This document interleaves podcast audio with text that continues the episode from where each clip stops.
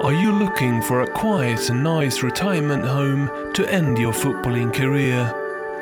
Do you want a smooth ride to 8th place in the table? In that case, welcome to the Arsenal, where careers come to an end. Here at the Arsenal, you don't have to worry about crowd noise or the Champions League.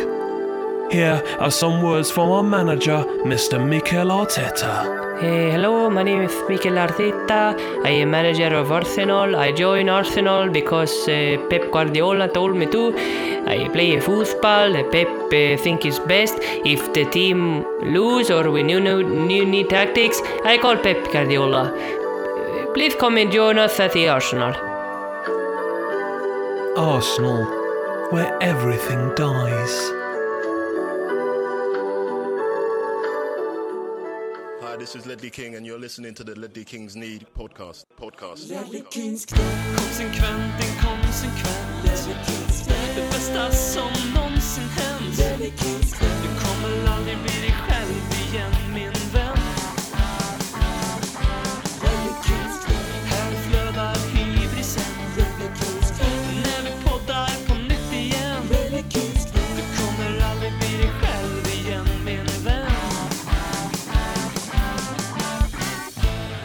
Norra London är vitt, vitare än kokain, vitare än Charlie Adams insida lår, vitare än Häng Min Sons oskuldsfulla lakan, vitare än i julafton hos IOGT-NTO, vitare än styrelsen i Alternativ för Sverige.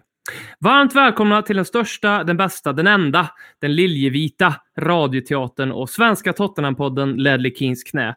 Som är en eh, satirisk humorpodd de veckor som Tottenham förlorar och en eh, skämmig hybrispodd de veckor då vi vinner.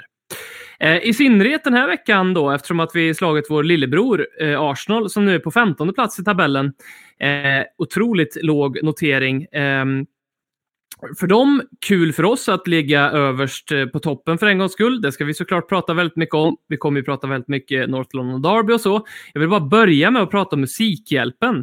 Eh, för där har vi eh, ett jättefint initiativ som eh, Tottenham Sweden tog eh, genom att eh, föreslå att vi skulle slå ihop våra bössor i år. Eh, det hade vi inte förra året, eh, så det ser ut att bli något rekordstort här. Och responsen har ju varit enormt bra till det här initiativet. Eh, Eh, och det märks ju inte minst i form av alla glada tillrop om att vi gör det här tillsammans, men också att vi just nu har tickat upp mot 12 000 kronor. Så just nu är Tottenham Sverige den 15 största bössan i Musikhjälpen. Det är ju helt otroligt.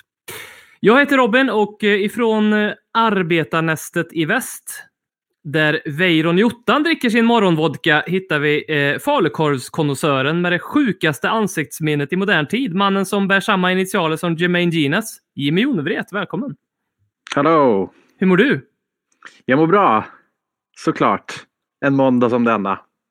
Underbart. Ja, du, ehm, eh, jag jag vet inte om, om, om jag skulle ta upp det. Vi kan klippa bort det ifall du tycker att det är fel, men eh, du träffade ju Glenn Hysén. ja, alltså. Det gjorde jag ju inte så. Jag, Typ? jag, ja, typ. Vi säger, vi säger att jag gjorde det. Ja. Ehm, han, ehm, han klev på det så att säga ganska tidigt igår morse. Men det, var, ju trots allt matchdag. Det var det. det, var det. Mm. Göteborg-Sirius sista omgången då måste man värma upp lite grann. Såklart. Ja. Eh, vi har också med oss i podden från Sveriges 17 största stad där Fredrik Lindström skriver sina På spåret-vitsar, mannen som delar initialer med halva The White Stripes. Jocke Wallin, välkommen! Tackar, tackar. Vad har du för relation till The White Stripes? Ehm, inte så stor. Har väl liksom ehm, lyssnat på dem en del och eh, numera mer eller mindre spyfärdig så fort man hör Seven Nation Army. Det är Ja. väl så. Ja. Det är synd, för det är ju en fantastiskt bra låt. Men den Ja, är, är ju så otroligt sönderspelad. Mm. Um, fotbollssammanhang så var det inte så att Italien tog den som deras typ inofficiella VM-låt något år, ehm, har jag för mig. Och uh, något jättecringeigt samarbete mellan Rolling Stone, Stone, Stones, Rolling Stones och eh, typ Alessandro Del Piero, om jag minns rätt. Tror jag gjorde en video när de sjöng låten ihop. Fy fan, det här har jag missat. Men eh, det är ju det är väl själva inträdet på fotbollsarenan som har gjort att jag känner som jag gör inför låten. Är, det är ju det som har liksom eh, tvättat ur den tycker jag. Mm.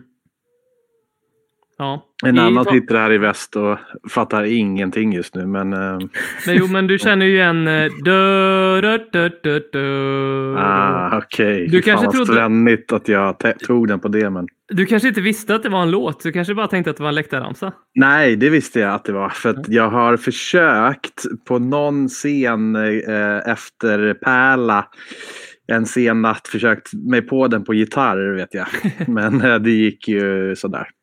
Vackert. Mm. Ja. Re- Jag har bättre, bättre relation till Red Stripe. ja, just det. Ö- Ölen, den jamaicanska ölen. Ja, men precis. Sen är jag inte jättemycket jamaicansk av mig så att säga. Men eh, ja, Otrolig blaskig öl. det är riktigt vidrig faktiskt. Det är som Ramlösa. Eh, vi måste ju börja med att prata om ett klipp här på Michael Dawson. Eh, Jocke, vad var det, vad, vad, vad är det du har sett här? Berätta. Ja, jag såg precis, precis nyss innan vi klev in här och tryckte på rec så såg jag eh, eh, Spurs officiella konto som la ut när Michael Dawson besöker vår nya arena för första gången. Inför eh, derbyt igår. Och man blir ju glad ända in i själen så fort man ser Michael Dawson som går runt och bara är härlig och säger att han önskar att han fick vara med och spela Mm. när han ser sig omkring. Eh, det värmer. Var han tårögd?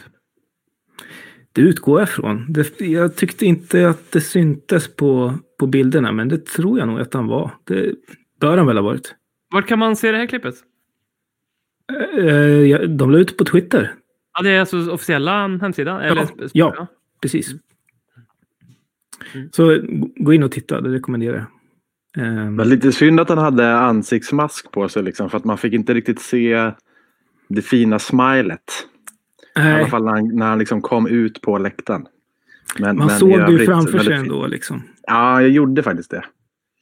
Jag har en otrolig... Man älskar ju Michael Dawson såklart. Men en sån jävla snygg Tottenham-tröja. Med Michael Dawson. En bortatröja blå från Puma tror jag. Så det är inte så jättemånga år sedan. Ljusblå? Nej.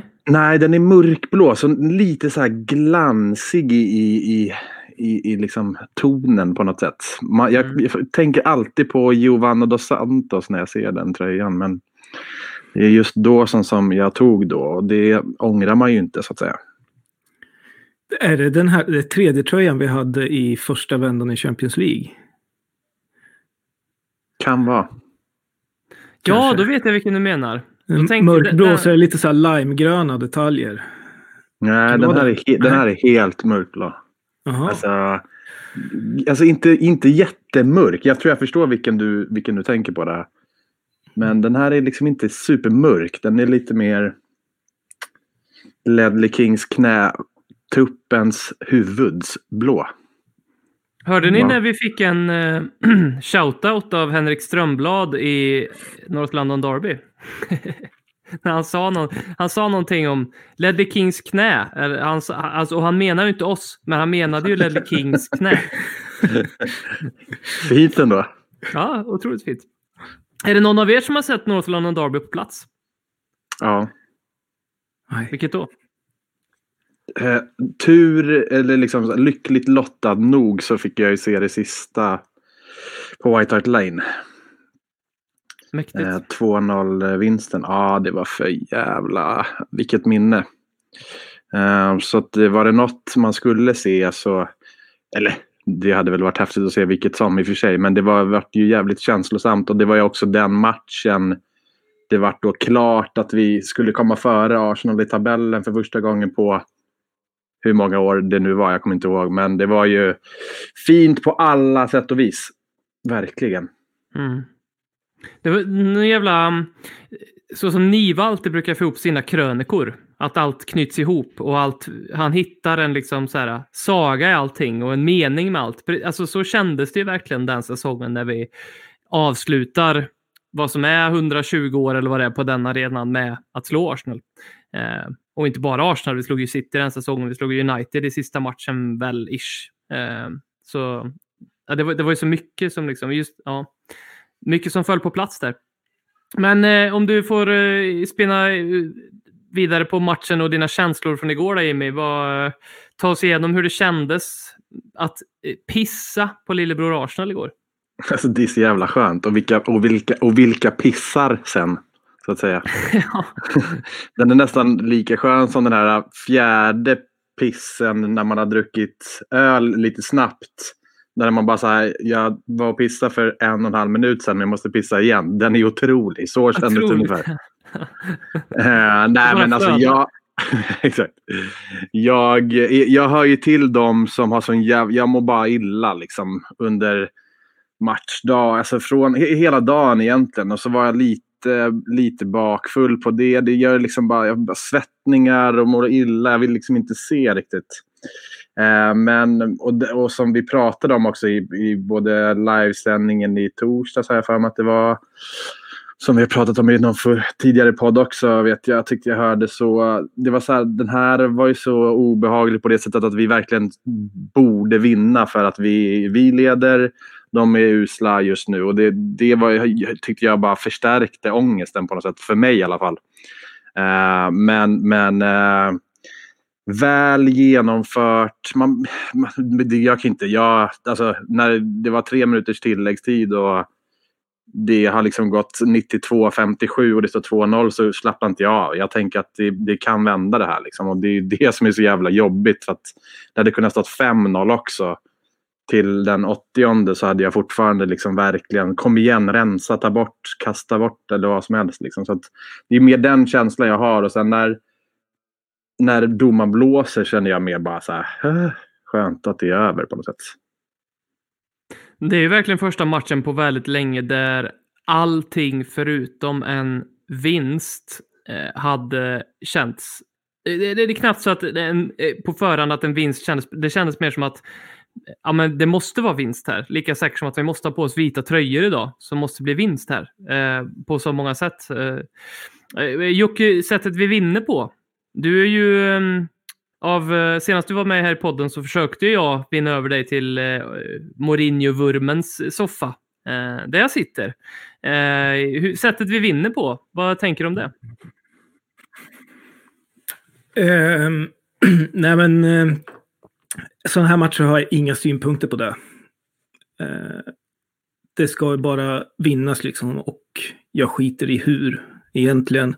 Eh, det som det som solkar eh, min eh, eh, min syn på matchen lite, det har ingenting med eh, egentligen med sättet vi vinner på att göra, utan det har snarare att göra med att jag såg matchen i efterhand och visste hur det slutade. Och då var det inte en speciellt underhållande match. Liksom. Eh, men jag får skylla mig själv. Eh, derbyn ska ju ses live. Man ska ju sitta och eh, må dåligt och liksom ha skräck i, i lungorna hela matchen för att uppskatta kanske den här typen av segrar. Men eh, jag, jag tänker inte klaga. Skönt. Men det är ju sättet vi spelar på gör ju att det blir eh, ett NLD blir, blir mer outhärdligt än normalt. Um, det kan du säkert, som såg det live Jimmy, lite mer relatera till säkert. För uh, alltså, um, jag mår ju alltid piss när vi möter Arsenal, men när Arsenal också dessutom har bollen, som det var i många sekvenser var det så 90% bollinnehav. Eh, och jag skiter i att kommentatorerna sitter och säger ja, men de skapar ingen farliga chanser. Jag skiter i det. det. Det kan vara en passning. Det räcker med att Höjbjerg ramlar till och så slår någon en passning precis då, så är någon fri och så blir det mål. Det, jag skiter i att de inte har gjort några eh, sådana. Då har jag hellre... Det enda North London Derby jag har sett på plats var när vi förlorade med 0-1 för några år sedan. 2014, Thomas Rosicki tror jag gjorde mål efter typ sju minuter, om det var Özil eller någonting. Då har jag nästan hellre en sån match där vi får ett baklängesmål direkt så att jag liksom jag inte sitter och, och, och liksom väntar på att vi ska tappa någonting eh, under så lång tid som vi ändå satt i den här matchen. Nej, det, är bara, det är bara att hålla med. Alltså verkligen så. På, på så sätt är det ju skönare att jaga. än att bli jagad på något sätt. Sen att man gärna, det är såklart att man hellre har 2-0 ledning till pausen att ligga under. Men, men ja, den, den känslan är ju samtidigt obehaglig. För precis som du säger, precis så som matchbilden blev igår. Ångest bara. bara så här, snart händer det någonting. Någon jävel kommer liksom göra något dumt eller vad som helst. Så det är det som är det obehagliga i det. Mm. Det var ju fördelen med att inte se det live. Jag visste ju att inget skulle hända så jag kunde ju sitta och liksom live-håna. Ni skapar ju ingenting. Rulla runt bara. Det, det händer ingenting. Ja, skjut du. Skjut. Det är ju inte så dumt egentligen när man ändå ska se matchen med den här fysiska distansen som man har till Tottenham Hotspur Stadium. Alltså att bara skita i, göra något helt annat, gå ut i skogen och bara vara bortkopplad och sen kolla resultatet och göra en bedömning. Ska jag kolla på det här eller inte? Faktiskt så är ju det eh, just, för, just för North London Derby inte jättedum. Eh, kommer du göra fler gånger?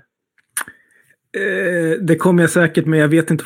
Alltså, det är ju bekvämt, men får jag välja så eh, vill jag ju se den live för att det är så mycket skönare att, eh, att fira en seger eh, när man har upplevt all det där liksom helveteskvalen i 95 minuter. Um, Mm. Ja, Vi ska lyssna på en eh, Jonathan ifrån våran eh, WhatsApp-grupp. Eh, där vi har, vi har en chattgrupp som eh, jag tror vi är 175 spursare med just nu. Eh, så vill ni ha lite sällskap på matchdagar eller veckans alla dagar för den delen eh, så skicka ett direktmeddelande till oss. Han skriver så här i WhatsApp. Jag tänkte att ni skulle få en reaktion på detta. Jag har inte frågat dig Jonathan om jag får läsa upp det här, eh, men jag gör det ändå. Eh, han skriver han tycker att det är olustigt att läsa alla hyllningar till oss nu. Det är alltså efter matchen. Någonstans vet man ju att det defensiva självförtroendet kommer få sig en redig törn. 5-0 i röva mot Pool? Frågetecken. Snart. Och vad kommer då hända med den här hängivenheten till Mourinhos taktik? Hur vass är vår offensiv egentligen när den inte får storma mot ett oorganiserat försvar? Vad händer när dansken pajar? Varför är Son osynlig varannan match? Hur ska vi lyckas bryta ner alla de lag som kommer för, eh, försöka sig på samma strategi som vi använde mot topplagen? Tillfällighet att vi slog West Bromwich, Kane skadad och Son avstängd så, så löser vi det aldrig. Tycker inte alls att det känns formtoppat på samma sätt som medier får det till. Hade vi tagit sju pinnar mot, eh, på dessa tre matcher under Pochettino hade man ju känt att världen är vår att erövra. Nu väntar man bara på att vi ska bli blottade och isärslitna, vi ska haverera. Med det sagt älskar jag att vinna på det här viset. Det provocerar motståndet något grönjävligt. Eh, minns mycket väl hur jag som inte alls sympatiserar med Barca var fly förbannad när Chelsea parkerade bussen och skickade dem ur Champions League. Mår så jävla bra när man räknar ner minuterna och känner att varken Arsenal eller City aldrig hänger två stycken när klockan passerat 88. Det är knappast kul att se på för den neutrala, men jag älskar det. Ohyggligt svårt att placera känslan. Kommer aldrig våga tro, men fan som man hoppas. Kan ni ge en reaktion på det här? Kan du läsa Alltså- frågan igen?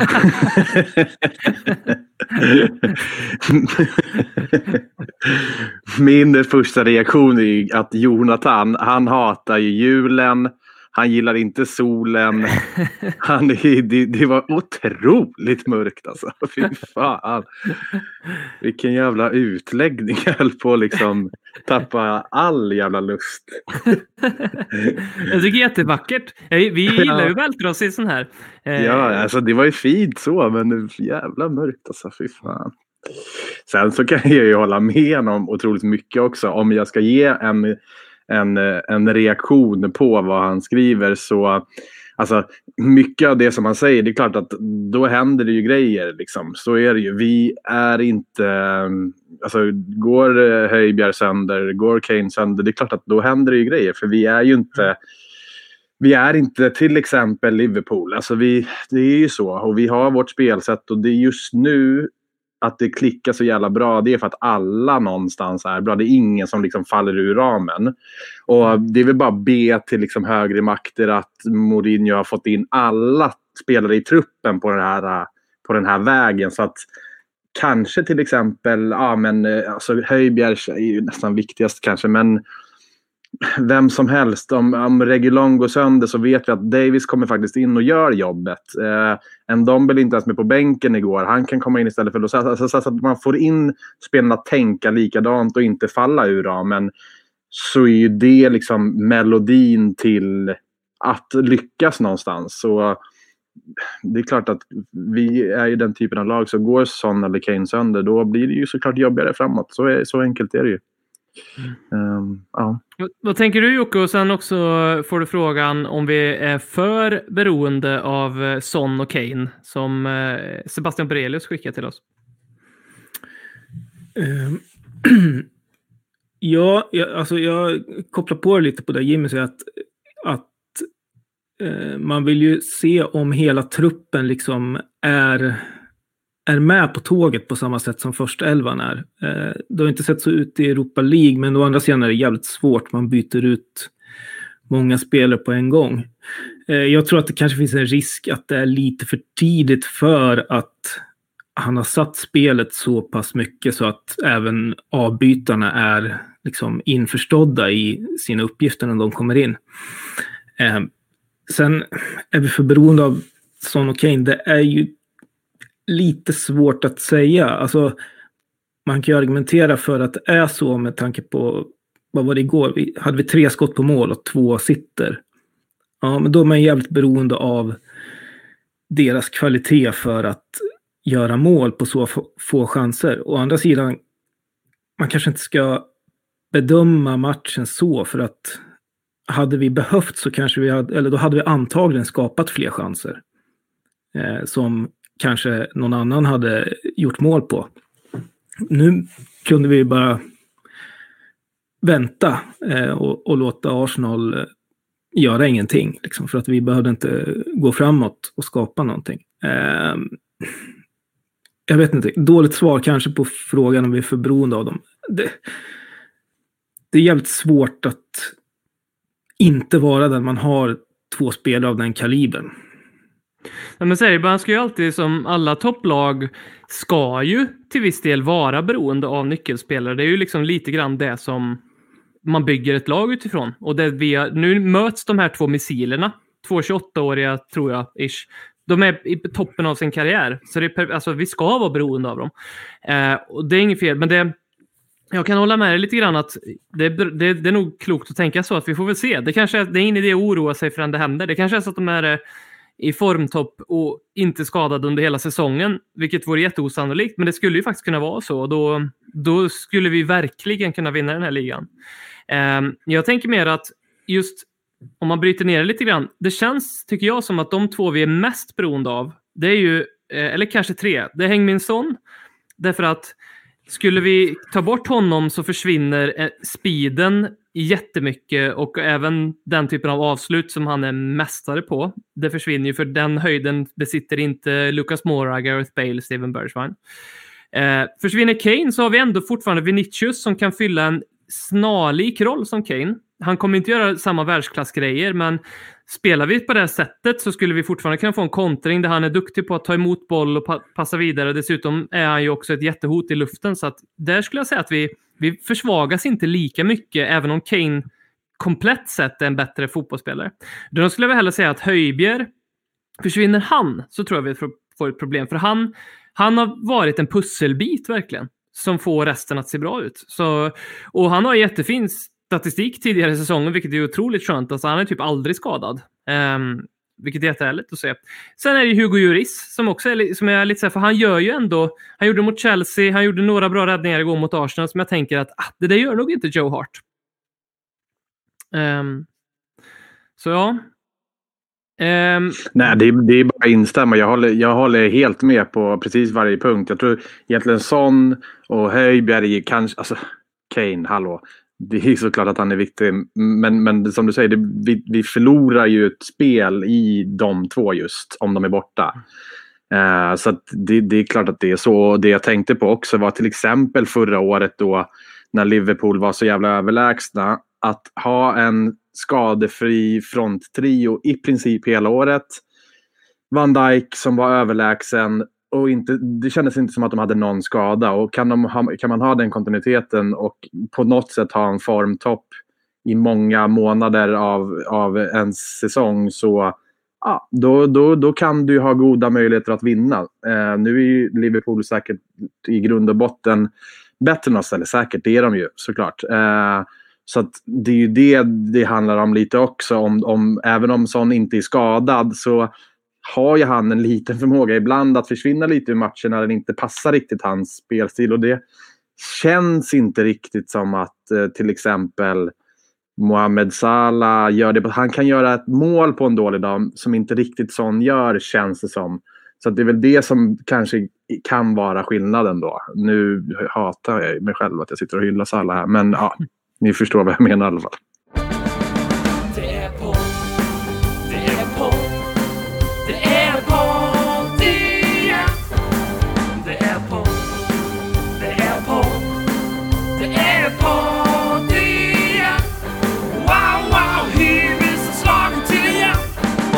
Inblandad i eh, liknande situationer och de har fått lite olika utfall. Ibland har eh, spelet pågått, ibland har det blivit straff, eller en gång har det blivit straff, eh, en gång har det blivit frispark till oss. Och det är ju att han eh, backar in i spelare som kommer rusande och hoppar in i en duell. Det är faktiskt ett Arsenal-fan här, Axel Ljungberg. Hej Axel! Eh, som har skickat den frågan. Hur vidrig är inte Kane egentligen som håller på med det här beteendet? Och jag, jag tycker vi ska... Kan vi på något sätt eh, försöka kliva ur vår subjektiva eh, Harry Kane och Tottenham-värld här? Är det här någonting som är ett problem? Eh, är det här någonting Harry Kane gör cyniskt? Eh, eller är det här något som alla gör? Eh, är det här ett narrativ som rullar igång bara för att man man har tröttnat på att håna håna hans, hans talfel och vill hitta något annat? Eller vad, vad, hur ser ni på det här? Alltså, jag kan, jag kan känna så här. Om jag ska vara, försöka vara liksom helt eh, o, o, liksom så partisk, eh, vilket är ju svårt såklart. Men jag, på ett sätt kan jag förstå att folk blir irriterade på det. För att det, det, man ser liksom hur han tittar in i spelaren och backar in. Och det, det, det just, det har ju sett ganska farligt ut. De landar ju på ryggar. och det är ju skaderisk och hit och dit och sådär. Sen kan jag samtidigt bli så här. Han är ju ganska smart på något sätt eftersom han har ju lyckats med Han har fått en straff, han har fått en frispark som du sa. Eh, det hände ju igår också under matchen och då fick han ju ingenting men han fick ju inte någonting emot sig heller. Så att jag kan ju tycka att han är smart. Det är lite, det är lite på gränsen till liksom vårdslöst men samtidigt så någonstans landar jag. jag. Jag vill ju säga det här liksom att om det hade hänt mot oss också på ett sätt. Det är ju så jävla, många är så klumpiga. Till exempel Lalana då som när, när Kane fick straffen mot Brighton. Bara liksom rusar in, hoppar upp med ett knä rätt i ryggen. Alltså så här, det, det är också klumpigt. Det känns som någonting Cissoko skulle kunna göra precis utanför straffområdet. Det är, de, de, det är samma sak där. Visst, du ser Kane att han tittar på dig, backar in lite grann. Du, då kan du inte bara kötta på heller. Liksom. Du får ju vara lite smart där. Och, ja, jag vet inte, värdera situationen annorlunda. För att jag, kan jag kan tycka att det är, det är lite klumpigt försvarsspel men samtidigt blandade känslor kring Kane. Jag tycker inte att det är något vidrigt beteende. Det är ju, det är ju, fan, han täcker ju boll och de andra kör in han i ryggen, typ. Så att det, det är liksom inte fult. Det är mer smart skulle jag säga då i så fall.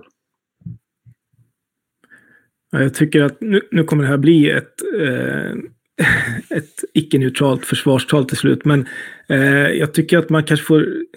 Jag kan inte... Jag håller inte riktigt med om när man klumpar ihop de här situationerna. Även om eh, de är lika på många sätt. Så tycker jag att det finns...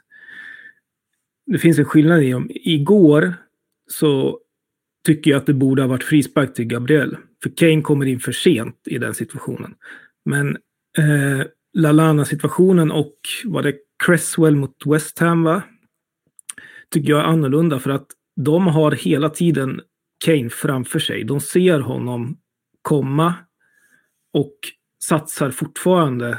Liksom, de hoppar framåt och in i situationen. Eh, och den, den eh, liksom eh, heads-upen hade inte Gabriel. Han såg inte att Kane kom in. Så på, på det sättet så, ja men det, jag kan köpa om man tycker att det var frispark och eventuellt farligt spel. Eh, just för att han var i, i luften när smällen kom. Men för mig är det inte, det här är inte liksom grejen som Kane har satt i system. Jag, jag tycker att man får liksom zooma ut lite. Systemet som han använder är ju... Han spelar ju så här i 95 minuter. Det är inte beroende på situationen. Han går in i alla närkamper på det här sättet och tar smällar med kroppen för att vinna boll eller frispark. liksom. Och ja, Ja, gud ja. eh, Alltså det finns ju ingen bättre än vi Tottenham-supportrar att skriva under på. Så ofta vi sitter och ser han i en duell han går in i ganska hårt så tänker man ah, Ja, där ryker han. kanske." exakt. Eh, och Men, men det blir också samtidigt så här när Xhaka går in bakifrån tre gånger i första halvlek blir det samma sak att han sätter det i system så på något sätt blir det, det är ju fulare gjort. För det är ju, det, det är ju svårt, det går inte att försvara sig riktigt emot. Jag håller helt med Jocke också, den igår som Kane gjorde på Gabriel, den är ju den fulaste av dem så att säga. Att han var lite senare än de andra. Men det, det, är inte, det är inte det fulaste du kan göra på en plan, liksom, herregud. Det är, det, den är ju en situation som tillhör spelet på något sätt, mer än när Xhaka stämplar Kane på hälen i första halvlek. Den, den är ju mycket fulare, så sätt tycker jag i alla fall. Jag tycker man, man landar i på något sätt eh, en bedömning som alla situationer. Ja, men vem är först in i situationen? Det är så svårt att, att avgöra i och med att en spelare hoppar och en annan kliver in i närkampen. Eh, men jag menar, Lalana och Cresswell, de kan ju välja att inte hoppa. Eh, och liksom trycka tillbaka. Eh, sen att Kane backar, det gör ju att skulle de göra det, då skulle han få frispark klockrent för att då blir det en knuff i ryggen. Liksom. Och det är väl därför han, han använder metoden. Den är svår att, att eh, försvara sig mot när man går in i en duell eh, mot honom. Jag tror definitivt att det här är um, intelligent kant-genen i Harry Kane som är väckt. Jag tror inte att det är något som hade hänt om inte Mourinho var, var coach. Um, så att jag tror definitivt han vet vad han gör. Um, och uh, jättebra summerat, för det, för det är väl så man, kan, man får titta på var, varje situation här um, och uh, se regelöverträdelse eller, eller inte helt enkelt. För jag tror att det är ju det som är lite när någon klipper ihop fyra sådana här klipp och sätter i en tweet, då blir det så otroligt Eh, det blir, så, det blir såna bevis som gör att man direkt tänker att wow, det här är ju liksom, vi har, vi har hittat nya Area 51, det här är en ny konspirationsteori, här är ju... Men du skulle kunna klippa ihop sådana här saker. Du skulle säkert kunna klippa ihop sådana här saker med många spelare, kanske inte exakt just samma sak, men typ tjacka då, hacka, eh, sparka på hälar eller ja, vad som helst. Någon som gör mycket stä- stämplingar eller förra året var ju Salah som filmade, så det kommer ju av att Harry Kane är i rampljuset nu eh, helt och hållet. Jag tror att det är, som du var inne på, nu, vi är ju Tottenham-supportrar, men jag tror att det handlar om, de flesta som klagar på det här nu är Arsenal-supportrar.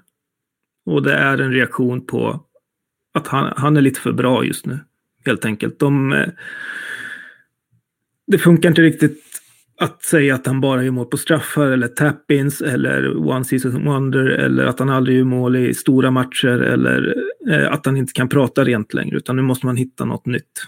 Och då vart det det här. Det blir jobbigt när Kane och Son är så bra. När eh, alltså den duon ihop, liksom, fy fan vilken mardröm för till exempel Arsenal-supportrar bara få se det här eh, någonstans. Mm. Mm. Det är ju hemska grejer för dem kan jag tänka mig. Det är jo- jobbigare, eller lättare för oss när deras stjärnduo inte spelar så mycket i Peppe och eh, Özil. Precis.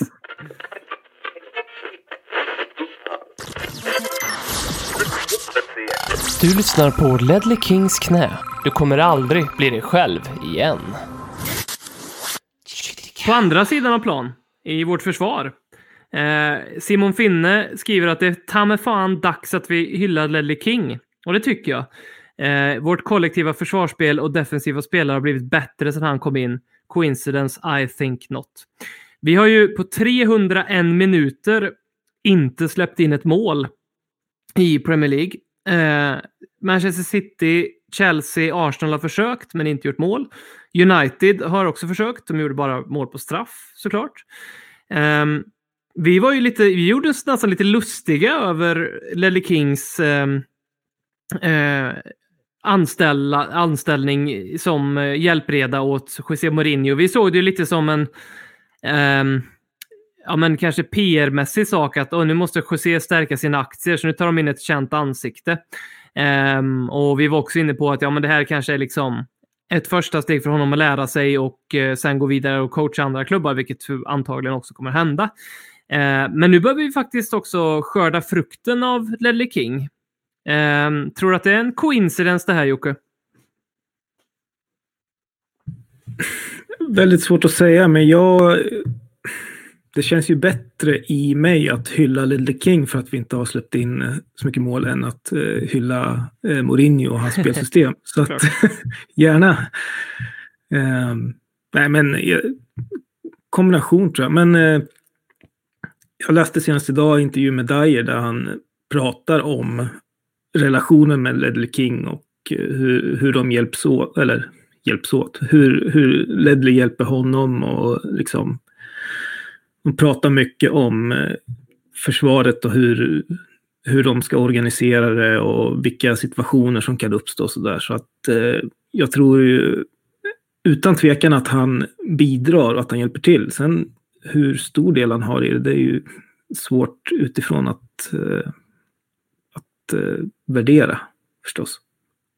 Det är ju många alltså, försvarare som har spelat tillsammans med Lelle King. Michael Dawson som vi nämnde här tidigare. Eh, bland andra, som har sagt att, eh, att spela tillsammans med honom var så bekvämt. Man, Erik Edman har sagt det i Lelle Kings knä dessutom. Man, man blev liksom en, en sån bra back av att ha honom bredvid. För att han läste spelet så bra, han dirigerade försvaret så bra. Um, och det är väl egentligen det vi ser nu, för om det är någonting som de flesta har sett när vi har kollat på Tottenham den senaste tiden, det är att det är inte bara José Mourinho och hans eh, understudy Joao Sacramento som springer ner på, vid sidlinjen och skriker och gestikulerar. Det är ju Ledley King också, hela tiden han där. Eh, så jag tror definitivt det ligger något där. Tror du att han har en karriär som fotbollsmanager, Jimmy? Ja, alltså det, det har ju börjat bra så sett i, i hans Tottenham-karriär. Um, det har det ju. Sen så, no, mycket förändrades ju när han drog igång sitt partytrick där. Men uh, annars, så, annars så tycker jag väl ändå att det skulle kunna funka. Men han känns också ganska bra bakom någon på något sätt. Och var lite mer individuell.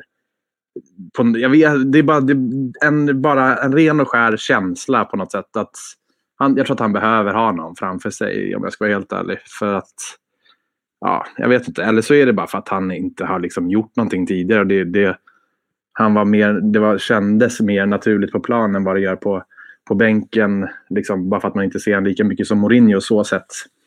Uh, men uh, ja, nej, det är ju, det är ju fantastiskt om, om det har Alltså om han har en påverkan på våra backar så är ju det fantastiskt kul. Uh, det, det är ju bara det är bara att, att njuta utav det för att kunna få en sån klubblegend som kan faktiskt lyckas. Är ju, det, är, det, är, det är fint bara. Um, sen så måste man ändå säga till Simon Finnes fråga är ju att uh, allt det vi gör är en lång och stor hyllning till Ledley King. Vi kanske inte, han kanske menar att vi inte hyllar honom tillräckligt men... Ja, just det. Hela den här podden är ju en... Uh... Det, det, är ju för han liksom. Ja, ja, ja. ja. Vi Men jag förstår har, vad han menar, tror jag. Vi har ju försökt vara Lelle King också. Uh, vi har ju fått uh, direktmeddelanden på Twitter av um, folk som tror att vi är Ledley King. Det här har faktiskt hänt på riktigt. Uh, vi blev taggade i ett foto på Ledley King på Instagram för inte så länge sedan också. Tagg, tagga oss. han har väl inte Instagram antagligen. Um, men Jo, Eh, Jimmy, eh, om vi spinner vidare lite på lite här med defensiven. Eh, Jonas har inget, han är inne på Jockes linje här, att han är ganska nöjd med att vi vinner mot eh, City och Arsenal på det här sättet, men eh, vi borde slå andra lag på ett annat sätt. Hur tror du att det kommer se ut mot Crystal Palace? Tror du att det kommer bli bussen? Alltså det, det är det här äh, som, som är lite, man, man vet inte riktigt. Många Ja, matcherna tidigare år har ju, har ju faktiskt varit så. Brighton hemma, vi vann väl den här för mig. Men, men att vi inte alls är bra. Och det känns som att vi har ett spelsätt nu. Vi ska kontra oavsett mot egentligen vilka vi möter. Det är väl lite Mourinho-fotboll. Sen hur kul det är att se på. Det skiter jag lite i just idag i alla fall. Eh, men, men eh, jag tror ändå att det, det blir... Jag tror att det kommer bli ganska få 4-5-0 segrar. Liksom. Jag, jag tror inte vi kommer få se lika mycket av det Crystal, eller mot, eh, vilka var det vi mötte i början? Där? Southampton när vi vann med fem och gjorde fem. Så det är en bra dag, absolut. Men jag tror att det blir mer. Vi, vi kommer vinna många matcher med 2-1 eller 3-1 eller 3-2 eller 1-0. Alltså lite så. Det blir inte samma sprudlande liksom så. Så jag, jag, tror att vi bara får helt enkelt vänja oss med det. Sen vare sig du gillar det eller inte. Men ja, något, något åt det hållet tror jag på. Alltså. En ganska enkel grej vi kan göra är ju faktiskt att spela både Lo Celso och Tanguy Ndombele. Eh, nu gick ju det åt fanders eh, mot eh, Lask, eh, men eh, det var kanske för att vi spelade med Joe Hart eh, mellan stolparna. men det är ju en ganska enkel sak vi kan göra för att ha två spelare som faktiskt skapar mer på mittfältet. en liten fråga på samma ämne här som kommer från Anton Rosengren. Ehm, nej, det gör det inte. Viktor Zetterström. Vem som är vår bästa högerytter. Det har jag tänkt lite på. Alltså, det känns ju så solklart att Kane och Son ska spela. Men är det självklart att det ska vara Bergwijn där uppe tillsammans med dem? Eller vad tycker ni? Nej, det är väl kanske typ den enda positionen i första elvan som inte är helt gjuten. Tänker jag. Eh, jag vet fan. Nu, som det är nu så är det väl 50-50 mellan eh, Bergwijn och Lukas.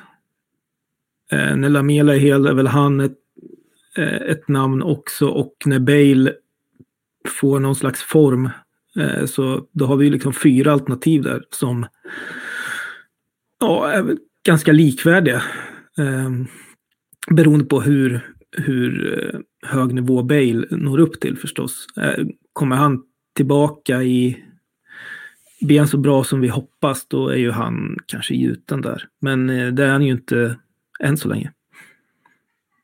Alltså något som är, något som är intressant om det där också, det är att det, det känns, det känns som att det är fan tre veckor sedan typ som Bergwijn var totalt iskall liksom och utfryst. Han fick ju fan åka hem från Hollands landslagsläger för att ja, om det nu var så att han inte var tillräckligt spelfitt. Liksom. Men, men det, så det kan svänga fort. Alltså jag kan säga så att man, jag förstår i alla fall väldigt tydligt till exempel varför inte Bale kommer in igår.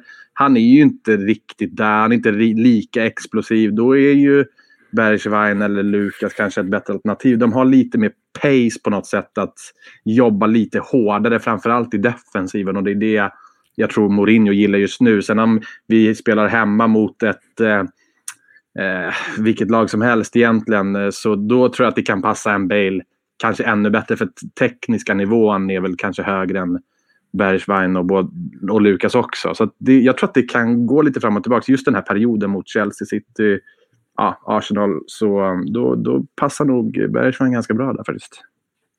Jag tror också det. När de Lukas och Bergwijn inordnar sig nog i taktiken på, på ett annat sätt än vad Bale gör i den här typen av matcher när liksom vi tajtar till det och ligger och väntar. Jag skulle tro att Bale kommer få spela, men kanske, kanske mot Crystal Palace, men den typen av matcher när vi förhoppningsvis inte eh, backar hem och väntar utan kanske försöker föra spelet lite mer. Eh, det finns nog ett, ett annat utrymme för honom då att, eh, att eh, bidra faktiskt. Mm. Och det var ju lite grann svar på Antons fråga då. Eh, han skrev, är jag den enda som verkligen inte tycker att Bale ska spela i PL just nu eller har någon i podden som håller med? Och där kan jag säga att jag håller din hand varmt Anton. Det har jag gjort eh, ända sedan Bale kom eh, och, och dessförinnan också. Ehm, jag har än inte sett någon tendens till att jag tror att Gareth Bale kommer vara tillräckligt bra att eh, starta eller ett, att vara ett första val i Premier League, att han får starta mot Crystal Palace eller sådana saker. Det, det, det kan mycket väl hända. Så vi går vidare och skrattar åt topp 6 eller? Kör! Yes. Let's laugh at the top 6. They are really shit.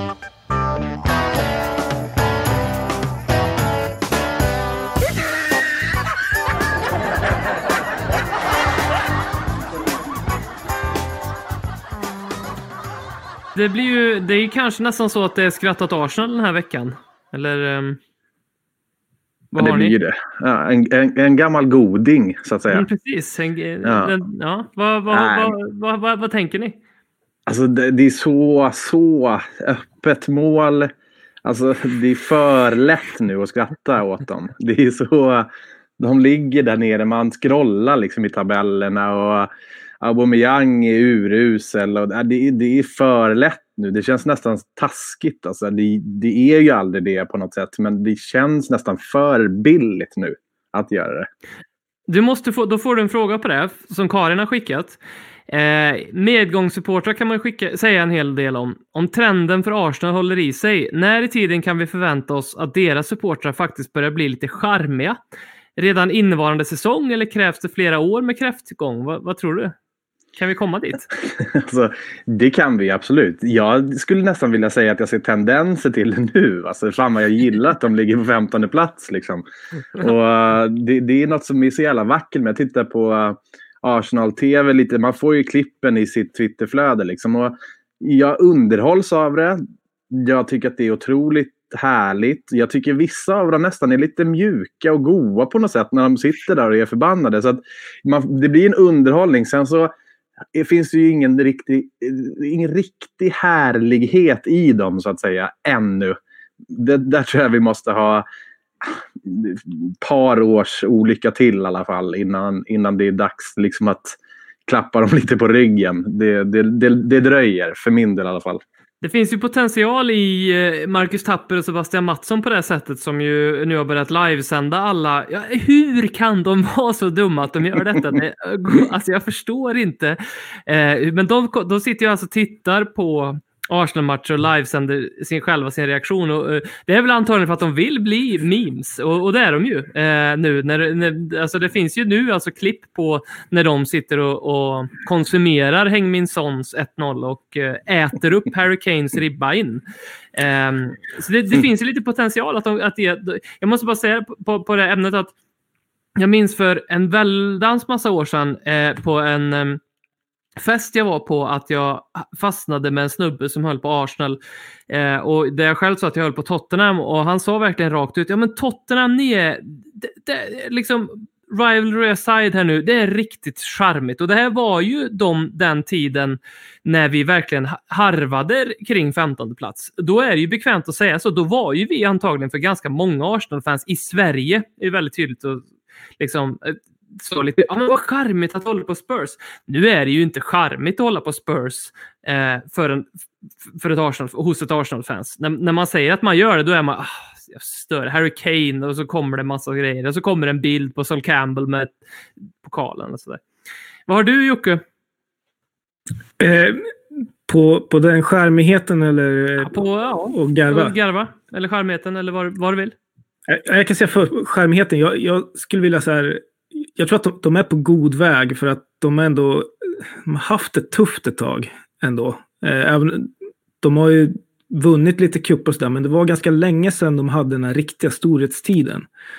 Eh, och jämför man med till exempel eh, Manchester United-supportrar så tog det ju ja, vad fan tog det? Ett halvår efter att de liksom eh, inte vann ligan så tyckte ju de att de hade eh, gått igenom helvetet och det var synd om dem och att de nu var motgångssupportrar och eh, ja, och där är ju de fortfarande kvar. Det är ju otroligt eh, ocharmigt i deras fall. Arsenal har ju mycket mera potential tycker jag. Ehm, och ja, speciellt eh, eh kolla Mustafi-killarna kommer nog bidra till det. Eh, men då på svaret på frågan om eh, skratta åt, eh, åt Arsenal. Mitt största eh, bidrag till det kommer kanske vara att när du bad oss eh, tänka ut någonting att skratta åt till topp 6 så tänkte jag, men jag kan ju inte ta Arsenal, de ligger för fan på 15 plats. Så jag började leta efter eh, någonting som typ Leicester hade gjort. Så att jag tänkte så här, eh, ta, det, blir- det blir ju det största garvet åt Arsenal, men samtidigt så blir ju, tänker att vi kunde garva åt eh, eh, Vardys eh, gula kort för att han sparkar sönder en hörnflagga. Som dessutom, vilket är på något sätt, det känns som att det är så jävla samklang med Vardys personlighet. Har han ju en Pride-flagga på sig också. Så att han sparkar sönder en Pride-flagga som firande när han gjorde mål. Ja, Man brukar, man brukar jag- ju prata om eh, Freudian slips. Är det här en Freudian kick? jag skulle tro det. Det känns så. Det var min första tanke när jag såg, när jag såg det här klippet. Var, ja, det är klart han gör det där. Lite på samma tema har det ju blåst en liten sån vind om eh, det här med att sätta eh, knä, Black Lives Matters-grejen i början på matcher. Eh, Millwall-fansen, inte minst, eh, buade ju över det. Eh, väldigt stolt över att det inte var något burop på Tottenham Hotspur Stadium när, när eh, vi gjorde det mot Arsenal. Men jag vill bara peta in en pinne i Aubameyang-brasan eh, är ju att jag minns när eh, i somras, det, här är, det är ju ganska nyligen i tid, men man har glömt detta. Det var ju liksom en av de stora vad ska man säga, pågående ryktena eller sagorna eller myterna om, om förra sommaren för Arsenal-fansen var ju att ska Aubameyang skriva på ett nytt kontrakt eller inte? Och så gjorde han ju det och så gjorde de en så här superjävla påkostad video. Alltså de gjorde ju liksom en dyrare och fränare video åt att Aubameyang skrev på ett nytt treårskontrakt värt 3 miljoner kronor i veckan, drygt, eh, än vad vi gjorde av att vi liksom signade Gareth Bale och Sergio Reguilón och då gjorde vi ändå ganska bra virus på dem. Eh, men de gjorde ju liksom, ja, vad fan, alltså de hivade ju, bjöd ju in legender. För eh, Ian Wright satt och pratade om liksom, Thierry Henry var med och pratade om betydelsen att Aubameyang nu kritar på ett nytt kontrakt. Och sen dess har han gjort ett mål på straff mot Manchester United. Va? Det är Det ju... är så jävla roligt. Det, Där har du ju faktiskt skrattet för dagen. det är ju... Om man ska gå tillbaka till den då. Alltså det är ju, jag inser ju att den videon, det är ju hans begravning. Det är vad det Men han måste ju ha varit skadad eller någonting, eller? Har han, hur mycket har han spelat? Han har spelat allting väl? Han har väl inte varit skadad någonting? Kan vara fel, men jag tror att han har spelat precis allting. Nej, jag tror också han lirar ju hela tiden tror jag. Det är ju fantastiskt. Ja, Det är helt underbart alltså. Jag måste bara skicka en till. Ja. Ja, nej, men jag bara tänkte om det var inte lite likadant med Özil också. Så fort han skrev på nytt fett jävla kontrakt så var det väl då Jo. liksom, det började sakteliga gå ut för. Liksom. Ja. Otroligt ändå. Det har något. Mm. Ehm, det gör ju att Aubameyang och Özil blir ur ett Tottenham-perspektiv lite skönare. Även om de är osköna. För det är lite som att, så här, att de hatar Arsenal lite grann och bara kommer på att här kan vi sitta och dega och tjäna jävligt mycket pengar. Eh, och det är ju lite älskvärt på ett sätt ur Tottenham-perspektiv. Jag måste bara eh, följa upp Klopp-grejen som vi hade i förra veckans avsnitt. Så um, tog vi upp det här med att eh, uh, Jörgen Klopp um, Jag tror det var 1-1 Liverpool spelade och det var ju mycket på grund av ehm, en en Eh, incident och då eh, Liverpool rasade på, kom på att VAR kan ju faktiskt förstöra matcher och inte insåg sin egna eh, tillkortakommanden. Och det här blev ju bara så jävla tydligt nu när Liverpool går och vinner. Lite grann mot alla odds får man ändå säga, med en väldigt decimerad trupp mot Wolves som, som bör ställa upp och, och, och ge bra motstånd. Nu gjorde de inte det, men man vinner ändå. Tror ni att Klopp klagade någonting på VAR eller han några ursäkter? Nej, han stod bara där och berömde sitt lag, hur fantastiskt de var. Så vi säger tack Jörgen Klopp för att han spelar vidare på myten som finns om att, Tot- om att Liverpool skriver till alla fina egenskaper i världen till sig själva när det går bra för dem och när det inte går bra för dem, då är det precis alla andras fel. Eh, jag kommer sätta er på pottan lite nu med en pingpong. Är ni redo på det? Spännande. Ja, jag har inte förvarnat er om det här för att då kan man ju eh, förbereda sig. Det är ganska elak det här. Eh, ni ska tävla mot varandra. Eh, så att eh, en av er kommer få börja. Om ni kan göra sten, sax, påse här nu, så, för jag ser ju er. Eh, Jag har fast att tävla mot Jimmy. Det är ju... ja. Ja. Men det, vore, det kan vi ju vara om så här datakunskap också. Då ligger man ju hyfsat i lä. Dat- dat- Datakunskap. Jag bara tänkte, det var, jag hittade det ni två är bra på, liksom, som jag inte alls kan. Jobba med data. Jag jobbar med data. Ja. Allt med? som inte är i Göteborg är att Okej, vi kör på tre då. Alltså, Ja. ett, ja. Ett, två. Oj, jävlar vad dåligt synk. Men vi kör en till. En till. ja, en till. En, två, tre. Okej, då, är det, då är det Jocke som får börja. Oj, oj, oj. Eh, för du tog sax och Jimmy drog eh, påsen. Vill man börja? Eh, Ja, men det är bra. Ja. Ja, kanske inte. Men det, det, det, ni, ni, ni vet hur, vad det går ut på. Eh, ni ska svara rätt och så fort ni svarar fel är, är ni ute. Och svarar ni rätt går tu- turen över till den andra. Och det är helt enkelt, vilka är de 20 namnen på Tottenham-spelare som har gjort mest mål i Tottenham? Uff, Börjar Jocke. Jimmy Greaves. Jajamän, han är etta på listan med 220 mål. Eh, Harry Kane. Jajamän, trea på listan med 151 mål, 22 på straff. Eh, Clive Allen. Han är med på plats nummer 16 med 60 mål. Snyggt. Det var lite för nära. Rysare.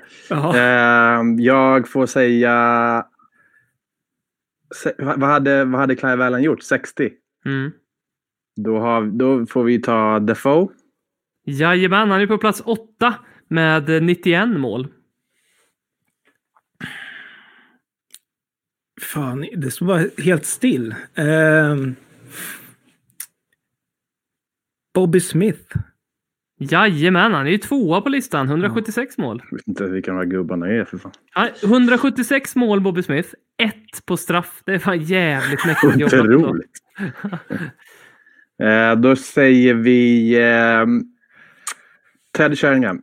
Ja, men det är väl klart. På sjätte plats, 97 mål.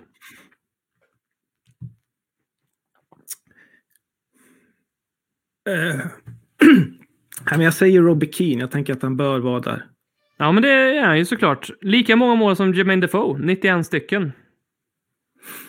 Eh, då får vi dra till med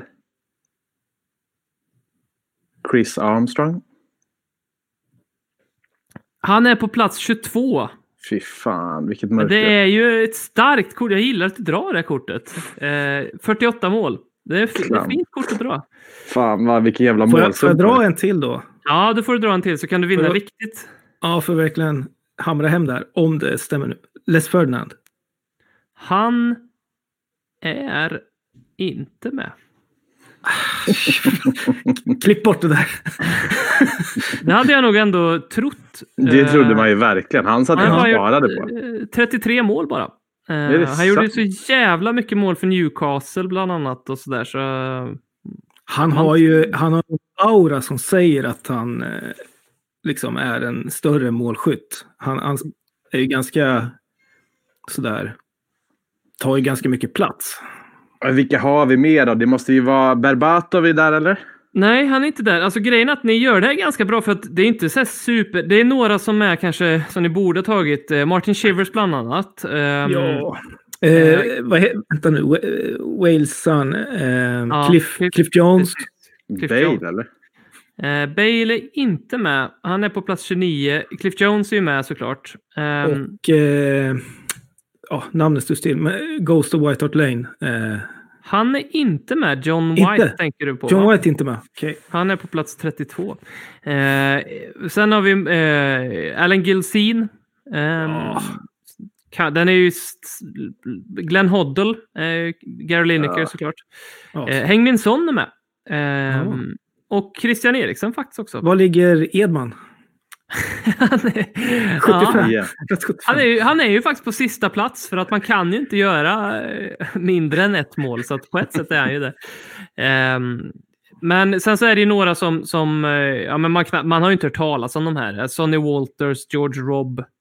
Eh, Len Duquamin är ju också en liten... Eh, alltså, ja, ja, ja, Lende ja. Jävlar, hur kunde jag missa? fi, fina Lenny.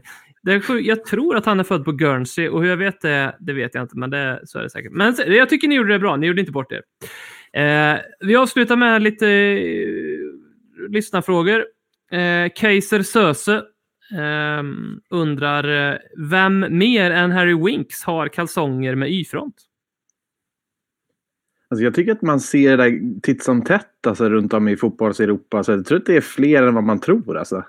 Men är det kanske så att vi i Sverige tycker att det är konstigt? Är det, är det liksom en, en, en grej på kontinenten? Ja, alltså, det kan fan vara det kanske. Jag vet inte fan. Det, jag skulle liksom inte, eller jag har inte närmat mig det området så att säga. Eh, sen ska Jag, vi jag kan eh, absolut- rekommendera det. Ja, det är jätteskönt att ta där och man gnider lite. Otroligt. Jag, Det- jag tror det- att, eh, jag tror att eh, Lamela Lo Celso tror jag lätt. Lukas också. Syd, sydamerikanerna säger jag fördomsfullt. De kör det där. Ja, Jag är ju helt säker på att Pochettino har en riktig Y-front. ja, garanterat. Ja. Men vi ska ändå ge till Winks att han såg ändå ut att ha ett ganska härligt paket så att säga. Men är det? För att jag menar, här i Sverige är det ju liksom... Eh, skulle någon på gymmet ha Y-front, då är det ju en sak som man går hem och berättar för sin sambo. Att vet du vad? Idag såg jag en man med Y-front på... Om inte den här mannen är liksom 80 år då. Eh, I USA vet vi att det inte är så, för där har man ju sett på alldeles för mycket sådana här amerikanska collegefilmer. De har ju på sig någon form av nästan shorts eh, som eh, underkläder. Men det är, det är kanske en kontinenten-grej det här. Men vem är, när Fertongen för några år sedan drog ner shortsen på en Ja, eh, just Aston det. Villa-spel. Vad- Mm. Visst var det Aston Villa? Ja, han, det hade det. ju, han hade väl Y-front va? Hade han det? Ja, det, det hade han. Ja. Jag tror att det, det Niklas kanske är så här, för den som undrar. Hette spelaren alltså. Hade han ett bra paket? Eh, ja, jag kommer faktiskt inte ihåg det. Väldigt fin tror det jag var en sån här liksom, matchattiralj. Att man tar på sig när det är match. Ja. Ja, jag, jag, jag fattar, jag kan inte förstå hur, hur man kan spela i dem och shorts bara. Det är för mig helt ofattbart. Ja, jag förstår inte heller. Alltså, när jag var liten hade jag ju någon form av Y-front, men jag, jag, jag, har aldrig, jag vet inte ens hur det känns. Jag, Ja, men det var ju också Bamse i fronten. Liksom. ja.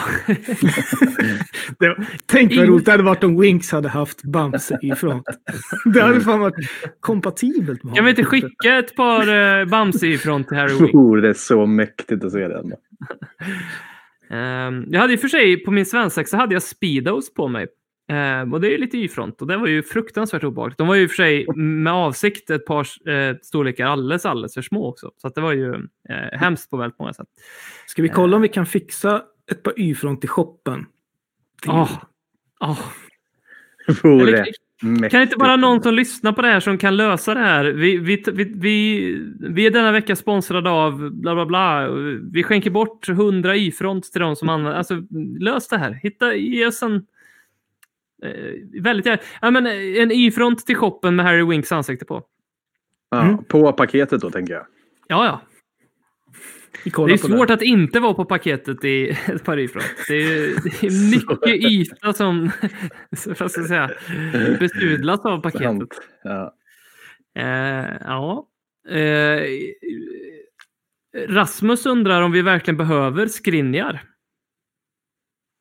Alltså det är så jävla lätt att säga det nu för att Erik Dyer är liksom hur bra som helst. Aldevereld har varit det nu sista liksom, tiden här. Eh, men, men jag säger nog mer att vänta lite så tror jag att vi kommer vilja ha honom. Ska vi se. Sen så ska jag vara helt ärlig vet jag inte riktigt hur han har presterat i, eh, i Inter nu. Mer att man läser att han verkar ändå vara ganska viktig. Alltså när han inte har spelat så har de saknat honom och lite sådär. Så att, men, men eh, det som Dyer framförallt gör nu tror jag kanske inte är en helt ny människa som vi kommer få se jämt. Man kan hoppas. Mm. Som du sa, det vänder ju fort. Det är ju inte, vad är det, två veckor sedan alla hade kollektiv panik och andningssvårigheter för att Alderweireld gick av skadad. Eh, så att, eh, ja, det kanske behövs ett, ett alternativ som, eh, som Mourinho litar på. Och då kan man i samma veva eventuellt fundera på att skicka iväg Sanchez någonstans.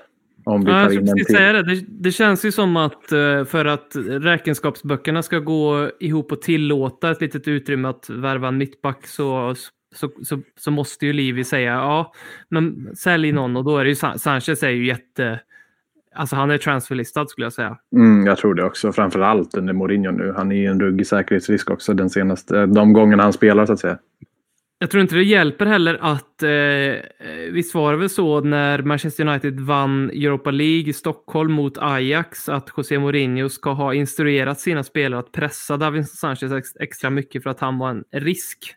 Jag tror, jag tror inte liksom att Mourinho är jättemycket den typen av manager som liksom eh, kommer och säger ja men det, allt det där är glömt nu, vi börjar från ruta ett, utan det handlar ju snarare om för Sanchez att så här, motbevisa det in till döden att han inte är en säkerhetsrisk och det har ju inte han riktigt gjort. Så är det. Eh, på tal om Inter och på tal om en ganska sorglig syn som vi fick se. Christian Eriksen byttes in i typ 91 minuten i eh, någon eh, match här nyligen, om den var igår, samtidigt som North London Derby. Hårfästet hade rullat tillbaka mm, i Aubameyang-nivåer får man nästan ändå säga. Och uttrycket i hans ansikte såg väl lite sådär jätteinspirerande ut och detta var ju samtidigt som den klubben som han lämnade pissade på sina bittraste rivaler. Eh, men Jocke, skulle du... G. Hemmingssons fråga här. Är hans tid förbi Eriksen? Skulle du ta tillbaka honom till Spurs? Um, jag bara, säga, det där ansiktsuttrycket. Jag funderar så här, men jag har sett honom göra det någon gång förut och jag insåg vad. det, det är när han sitter och pratar med Livy och säger du vet att det inte handlar om pengar. Just det. Just det. Uh, Alltså, det, jag är lite kluven. Eh, jag skulle kunna tänka mig att ta tillbaka honom, för jag gillade honom väldigt mycket.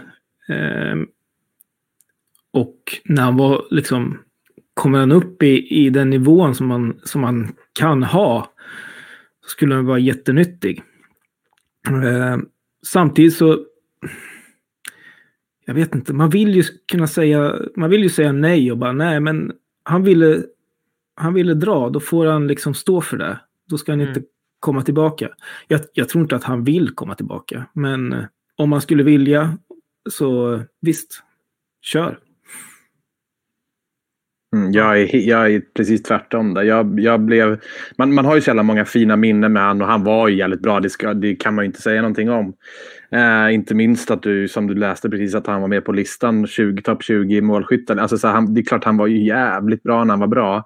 Men samtidigt så, ja, för min del var det totalt oacceptabelt det han höll på med sista perioden i, i sin Tottenham-sejour. Alltså, jag tycker inte att man får bete sig så och gå ner sig så pass mycket bara för att inte något kontrakt är ordnat och klart. Liksom. Och han var så jävla dålig då i många matcher. Det får vi liksom inte glömma. Och spelare med den inställningen, det, det, det liksom, det, för min del tror jag att det sitter kvar. Det är klart att det kan ändras på vissa, men någonstans finns det nog där, tror jag. Jag kan inte se att han skulle få världens nytändning i, i Tottenham om han skulle komma tillbaka. Nu sitter jag här och hyllar Bale-värvningen. I och för sig, han var väl precis likadan i Real Madrid, men det var i alla fall inte hos oss.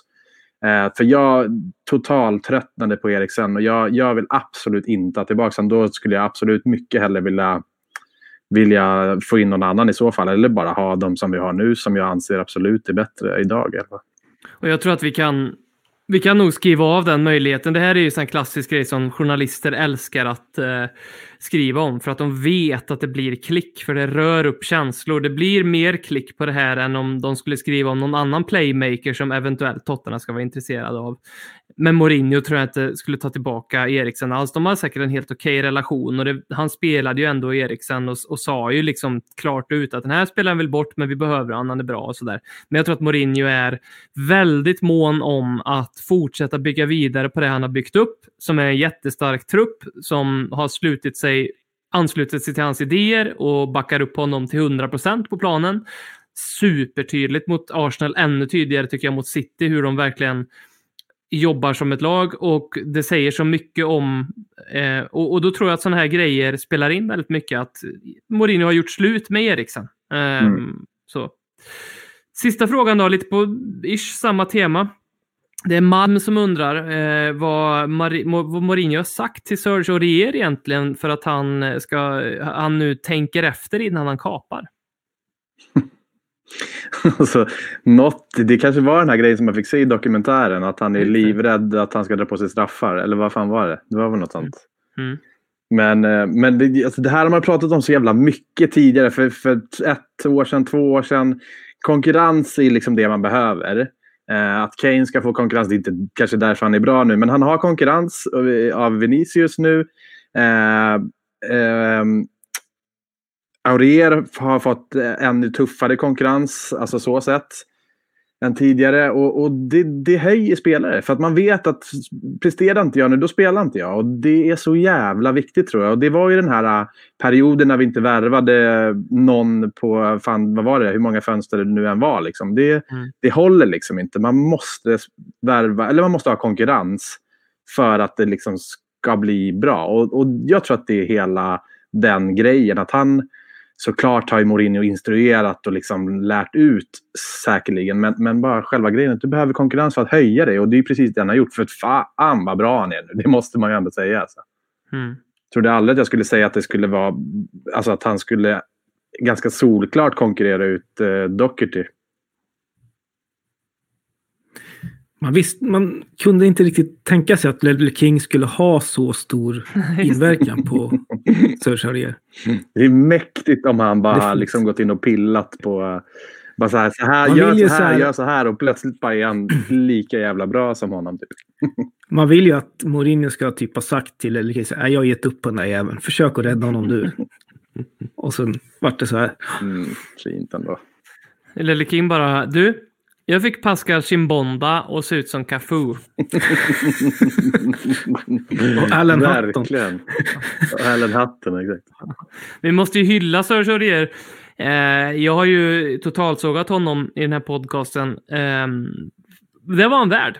Som fotbollsspelare, men som människa måste vi passa på att hylla honom igen. Ni minns ju sist vi mötte Arsenal, då dröjde det inte länge efter det att nyheten kom att hans bror blev ehm, ihjälskjuten i Toulouse. Och om det är någonting som skulle kunna vara ja, men, eh, en helt, helt genom eh, acceptabel ursäkt för att man inte presterar så är det ju en sån sak. Att ens familjemedlem blir mördad. Eh, I Sergio Auriers fall så är det tvärtom. Han har ju höjt sig och blivit... Ja, men, jag skulle vilja säga att Harry Kane och Sergio Aurier är de två som har tagit störst kliv eh, den här säsongen. Och då har liksom Kane, han har, han, har, han har klättrat redan från molnfri höjd till ännu mer molnfri höjd, till liksom stratosfären. Men Sergio Aurier har ju kanske klättrat upp ur, eh, ur graven i alla fall och, och, och en bit därtill. Han har ju verkligen blivit en, en, en kompetent yt- yt- ytterback. Verkligen. Det ska han ha. Mm. När man Mm. kastar skit så får man också ge lite, ge lite ros. Verkligen. Um, med det sätter vi punkt för veckans avsnitt av uh, Ledley Kings knä. Ehm, och eh, jag påminner återigen om uh, Tottenham-Sveriges uh, mus uh, Musikhjälpen-bössa. Kom ihåg att chippa in um, varenda litet bidrag tar oss fram. Vi är ju alltså just nu på 15 plats i Sverige. Det tycker jag är lite coolt. Eh, vi har utmanat alla andra lagen. Förra året så fick vi däng av Liverpool-podden. Kommer vi väl antagligen få i år också. Det är ju väldigt svårt att tävla mot eh, så många mellanchefer som har så mycket pengar över varje månad efter, efter 30 dagar. Men så är det. Eh, Chelsea kommer vi dänga. De fick upp typ 1500 spänn förra året, vilket är jätteroligt tycker jag. Eh, det säger så mycket. Arsenal Sweden Arsenal Sweden svarar aldrig på någonting vi gör. Ehm, så vi vill ha ett nytt Arsenal Sweden. Kan inte bara någon kan inte Marcus Tapper, Sebastian Mattsson eller någonstans gå ut och claima titeln? Det är vi som är Arsenal Sweden så att vi kan fokusera på dem ehm, som motståndare. Sen har vi MUS-podden också, Manchester United. Får vi se vad de kokar upp. Det, det, det kan också vara eh, en ansenlig summa. Eh, kom ihåg det och gillar ni podden så får ni gärna gilla och dela avsnittsinlägget som ni ser på sociala medier så att eh, det här får lite spridning också. Jag säger tack så mycket till eh, mina kollegor Jimmy och Jocke. Kul att podda med er den här veckan. Mycket trevligt. Verkligen. Tack själv. Tack. Vi säger så. Hej. Ja, hej.